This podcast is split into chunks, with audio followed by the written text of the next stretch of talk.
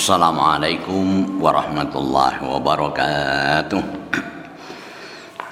الحمد لله رب العالمين والصلاة والسلام على خاتم الأنبياء والمرسلين وعلى آله وصحبه ومن تبع سنته إلى يوم الدين.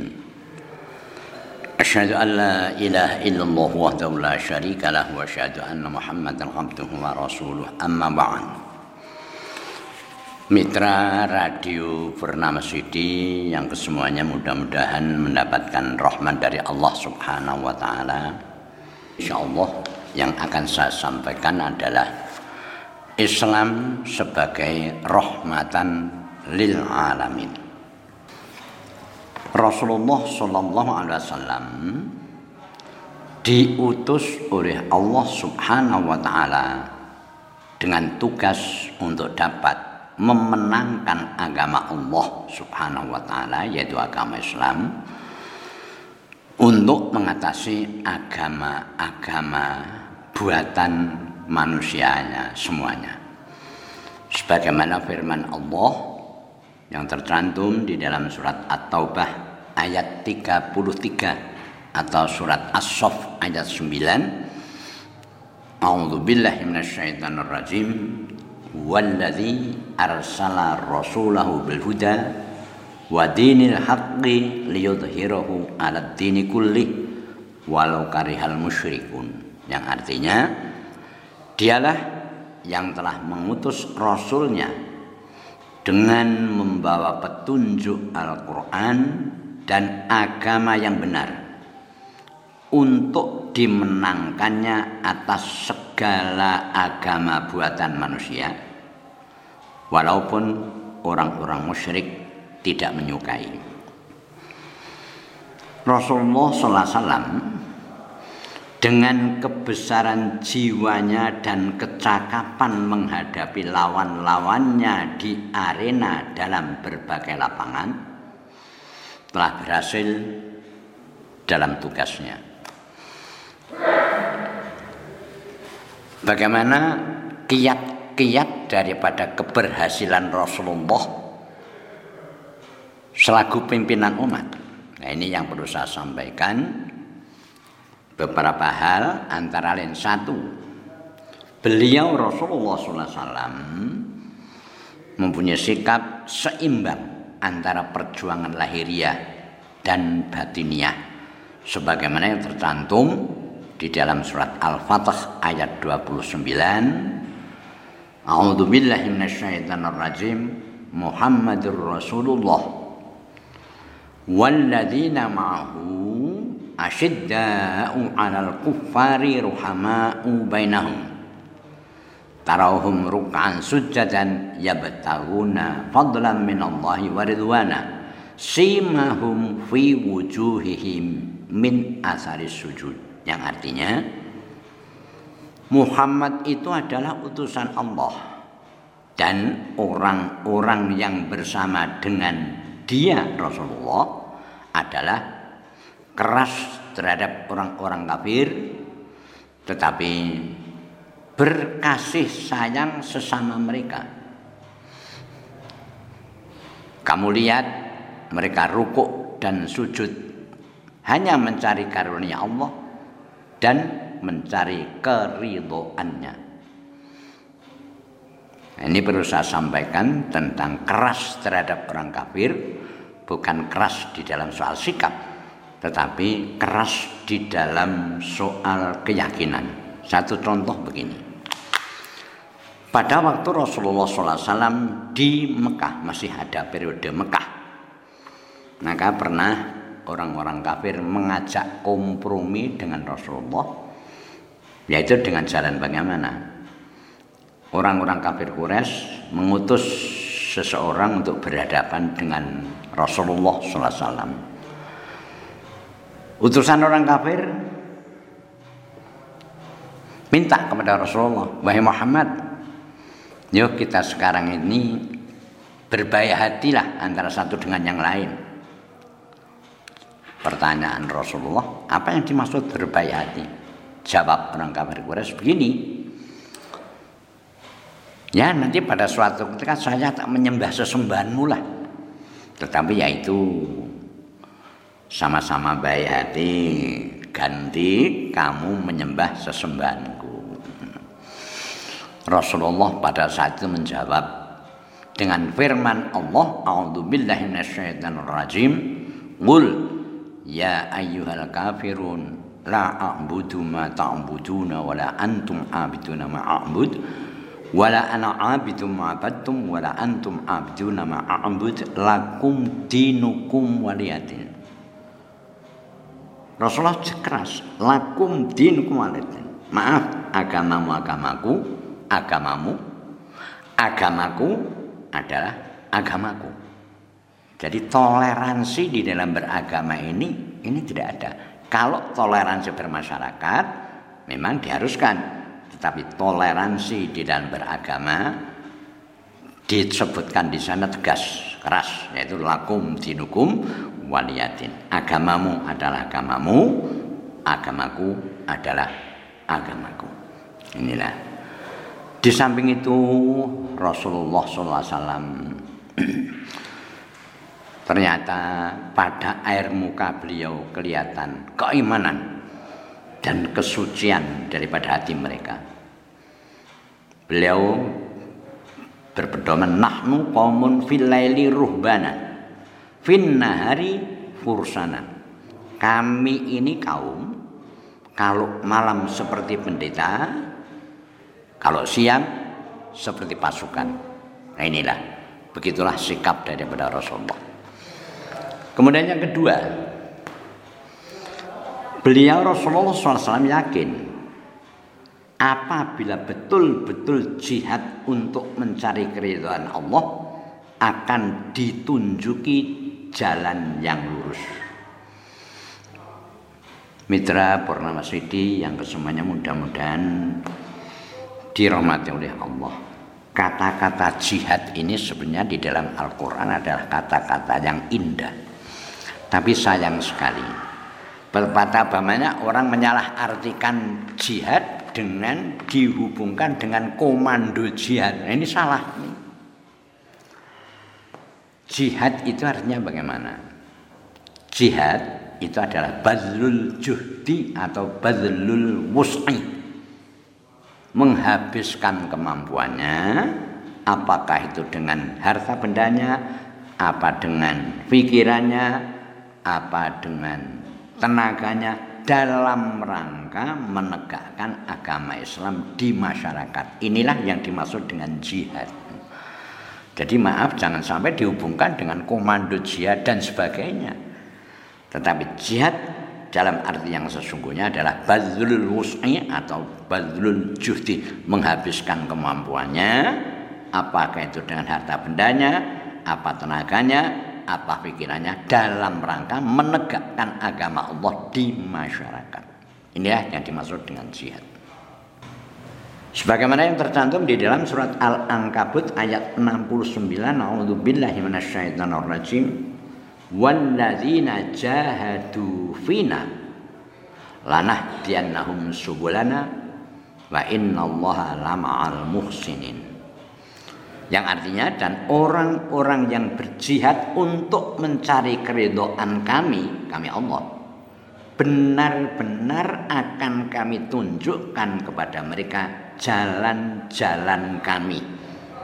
Yang dimaksud adalah kami Allah. Dan sesungguhnya Allah benar-benar beserta orang-orang yang berbuat baik. Lalu ada lagi termasuk pertanda orang yang beriman.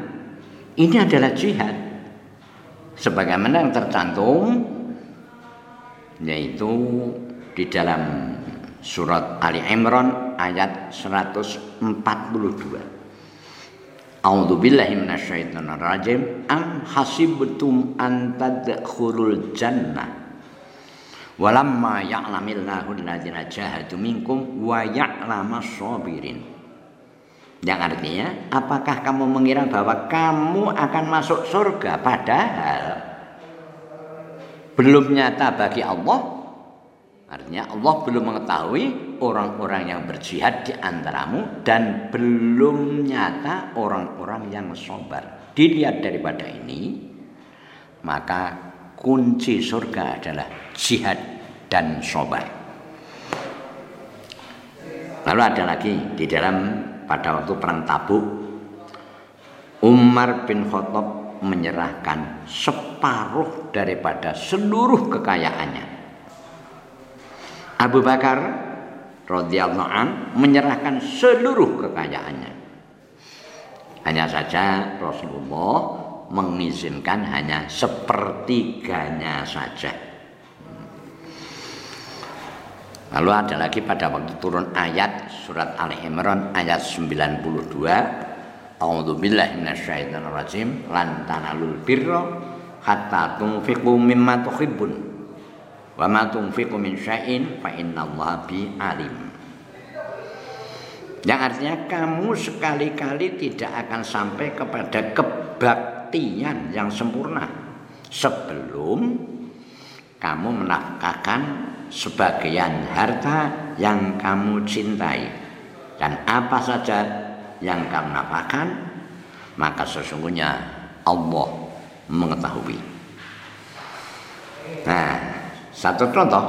Di antara para sahabat dengan mendengarkan ayat tadi menyerahkan hartanya kepada Rasulullah SAW untuk jihad.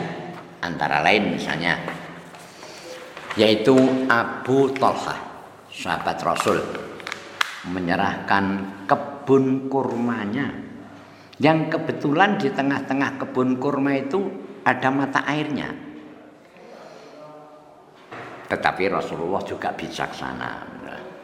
Kebijaksanaan Rasulullah SAW kebun kurma tadi kemudian dihadiahkan kepada keponaan daripada Abu Talha yaitu Hasan bin Sabit dan Ubay bin Ka'ab. Nah, ini. Sehingga Abu Talha ya karena toh akhirnya diberikan kepada ponaannya betul-betul ikhlas. Contoh lagi Zaid bin Harisa Habib Rasul menyerahkan kedu, kuda kesayangannya. Maklum pada saat itu kuda kesayangan itu adalah suatu alat atau kendaraan yang sangat sangat diperlukan. Lalu kebijaksanaan Rasulullah bagaimana? Kuda kesayangan tadi dihadiahkan kepada Usamah bin Zaid seorang pemuda yang tampan yang kebetulan itu juga kekasih daripada Zaid bin Harithah. Inilah kebijaksanaan daripada Rasulullah. Yang kedua, kemudian yang ketiga, beliau Rasulullah SAW yakin bahwa yang hak akan mengalahkan yang batil. Sebagaimana firman Allah di dalam surat Al-Isra ayat 81 A'udzu billahi minasyaitonir rajim. Wa qul ja'al haqq wa zaqal batil. Innal batila kana zahuqa. Yang artinya dan katakanlah Muhammad yang benar telah datang dan yang batil telah lenyap. Sesungguhnya yang batil itu adalah sesuatu yang pasti lenyap. Surat Al-Isra ayat 81. Nah, untuk menegakkan yang hak, ini mau tidak mau harus diperjuangkan bersama. Istilah sekarang adalah diorganisir. Tanpa diperjuangkan bersama atau diorganisir, yang hak justru malah dapat dikalahkan oleh yang batil tetapi yang diorganisir. Al haqqu bila nidhamin yaghlibul batilu bin sesuatu yang hak tetapi tidak diorganisir dapat dikalahkan oleh yang batil tetapi diorganisir. Ini oleh karena itulah maka dakwah amar ma'ruf nahi mungkar harus berani menyampaikan konsep yang benar ini. Ini yang ketiga. Kemudian yang keempat, beliau akhlaknya agung sekali. Dari beliau Rasul akhlaknya bagus sekali, bagus sekali, agung sekali. Inilah justru kiat yang paling menonjol mengenai keberhasilan beliau memimpin umat. Sekalipun dengan musuh, beliau membalas dengan sikap yang baik. Ingat beberapa peristiwa antara lain Daksur musuh begeledegan daripada Rasulullah yang telah mengacungkan pedangnya di atas tubuh Rasulullah sallallahu wasallam. Jaksur sampai bertanya, "Hai Muhammad, siapa temanmu?"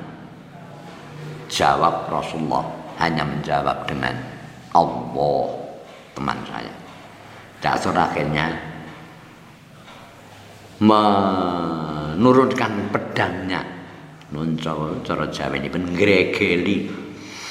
karena mendengar jawaban dari para Rasulullah yang semacam itu. Akhirnya justru daksur masuk Islam.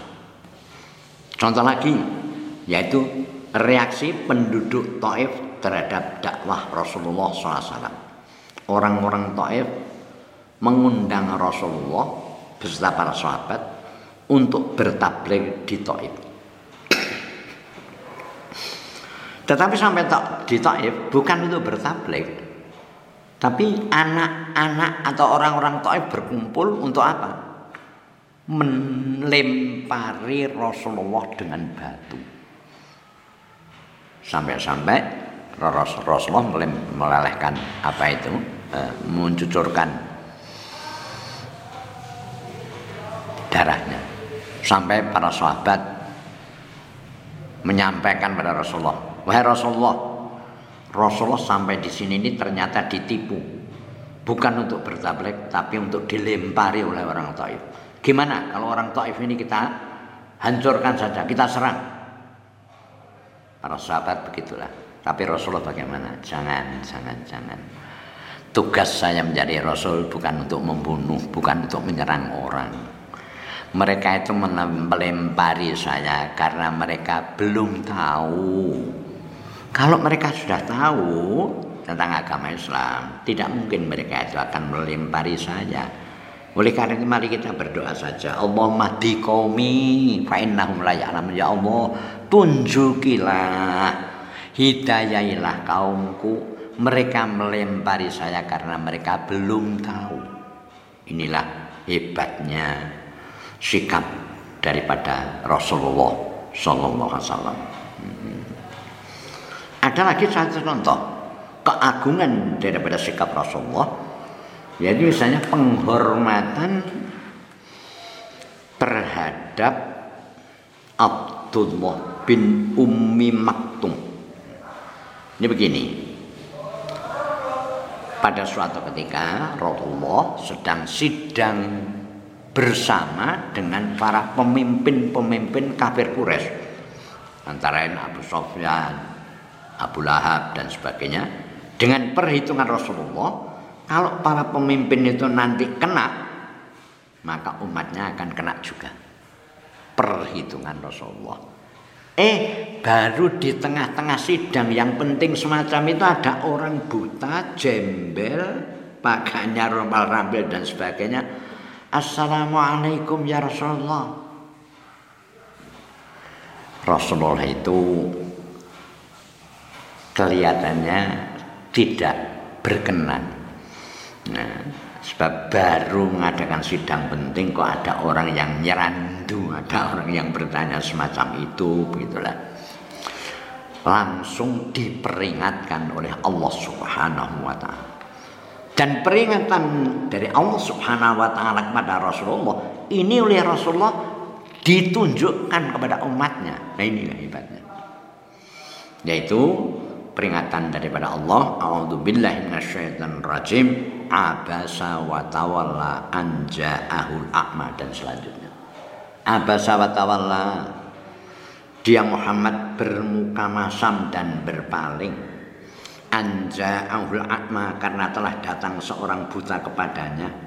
Wa ma yudrika Allahu yazaka tahukah kamu barangkali ia ingin membersihkan dirinya dari dosa au yadzakkaru fatan fa'al atau dia ingin mendapatkan pengajaran kemudian pengajaran itu memberi manfaat kepadanya. Amma manistaghna. Adapun orang yang dirinya serba cukup fa anta manistaghna. Nah, fa anta lahu tasadda maka kamu justru malah melayaninya. Wa ma'alaika alla yazakka padahal tidak ada celaan atas kamu kalau dia tidak membersihkan diri atau beriman. Wa ma'amma manja kayasa dan adapun orang yang datang kepadamu dengan segera untuk mendapatkan pengajaran wa huwa yaksha sedang ia takut kepada Allah fa anta anhu talah maka kamu mengabaikannya. Kala inna tadhkira sekali-kali jangan demikian sesungguhnya ajaran-ajaran Tuhan itu adalah suatu peringatan. Faman syaa dzakara maka barang siapa yang menghendaki tentulah ia akan memperhatikannya dengan turunnya ayat tadi. Rasulullah SAW justru setiap berjumpa dengan Abdullah bin Ummi Maktum yang nyerantu tadi menyampaikan salam khusus yaitu Assalamualaikum ahlan bima atabaini fi rabbi Selamat datang wahai saudara yang Tuhan telah menegurku lantaran inilah di antara keberhasilan daripada Rasulullah atas akhlaknya yang demikian agung. Kemudian yang kelima, ini perlu saya sampaikan, beliau yakin bahwa Allah pasti menolong orang yang menolong agama Allah. A'udzubillahi. Ya ayyuhalladzina amanu in tansurullaha yansurkum wa yusabbit aqdamakum. Surat Muhammad ayat 7. Hai orang-orang yang beriman. Jika kamu menolong agama Allah, niscaya Allah akan menolongmu dan meneguhkan kedudukanmu. Ini. Demikian juga di dalam surat At-Taubah ayat 40. A'udzu billahi minasyaitonir rajim illa tansuruhu faqad nasarahu Allahu id akhrajahu alladziina kafaru saniyasnaini id huma fil ghar id yaqulu li sahibihi la tahzan innallaha ma'ana Fanzalallahu sakinatahu alaihi wa ayyadahu bi junudil lam taroha wa ja'ala kalimatal ladzina kafaru sufla wa kalimatullahi yal ulya wallahu azizun hakim. Yang artinya jikalau kamu tidak menolong kepada Muhammad maka sesungguhnya Allah telah menolongnya yaitu ketika orang-orang kafir musyrikin Mekah mengeluarkannya dari Mekah sedang dia salah seorang dari dua orang ketika keduanya berada dalam gua di waktu dia berkata kepada temannya janganlah kamu berduka cita sesungguhnya Allah beserta kita maka Allah menurunkan keterangan ketenangannya kepada Nabi Muhammad SAW dan membantunya. Nah wa ayyadahu bijunudin lam tarau. Dan Allah membantu dengan tentara yang kamu tidak melihatnya. Yang dimaksud di sini otomatis adalah malaikat. Dan Allah menjadikan orang-orang kafir itulah yang rendah. Dan kalimat Allah itulah yang tinggi. Allah Maha Perkasa lagi maha bijaksana. Silahkan membaca surat At-Taubah ayat 40. Masih ada beberapa hal yang perlu saya sampaikan mengenai kiat-kiat keberhasilan Rasulullah di dalam memimpin umat. Insya Allah akan saya sampaikan pada waktu yang akan datang. Nah, mudah-mudahan kita masih dapat berjumpa lewat radio Purnama Sidi yang kita cintai ini. Demikian Nasr minallah wa fathun gharib. Wassalamualaikum warahmatullahi wabarakatuh.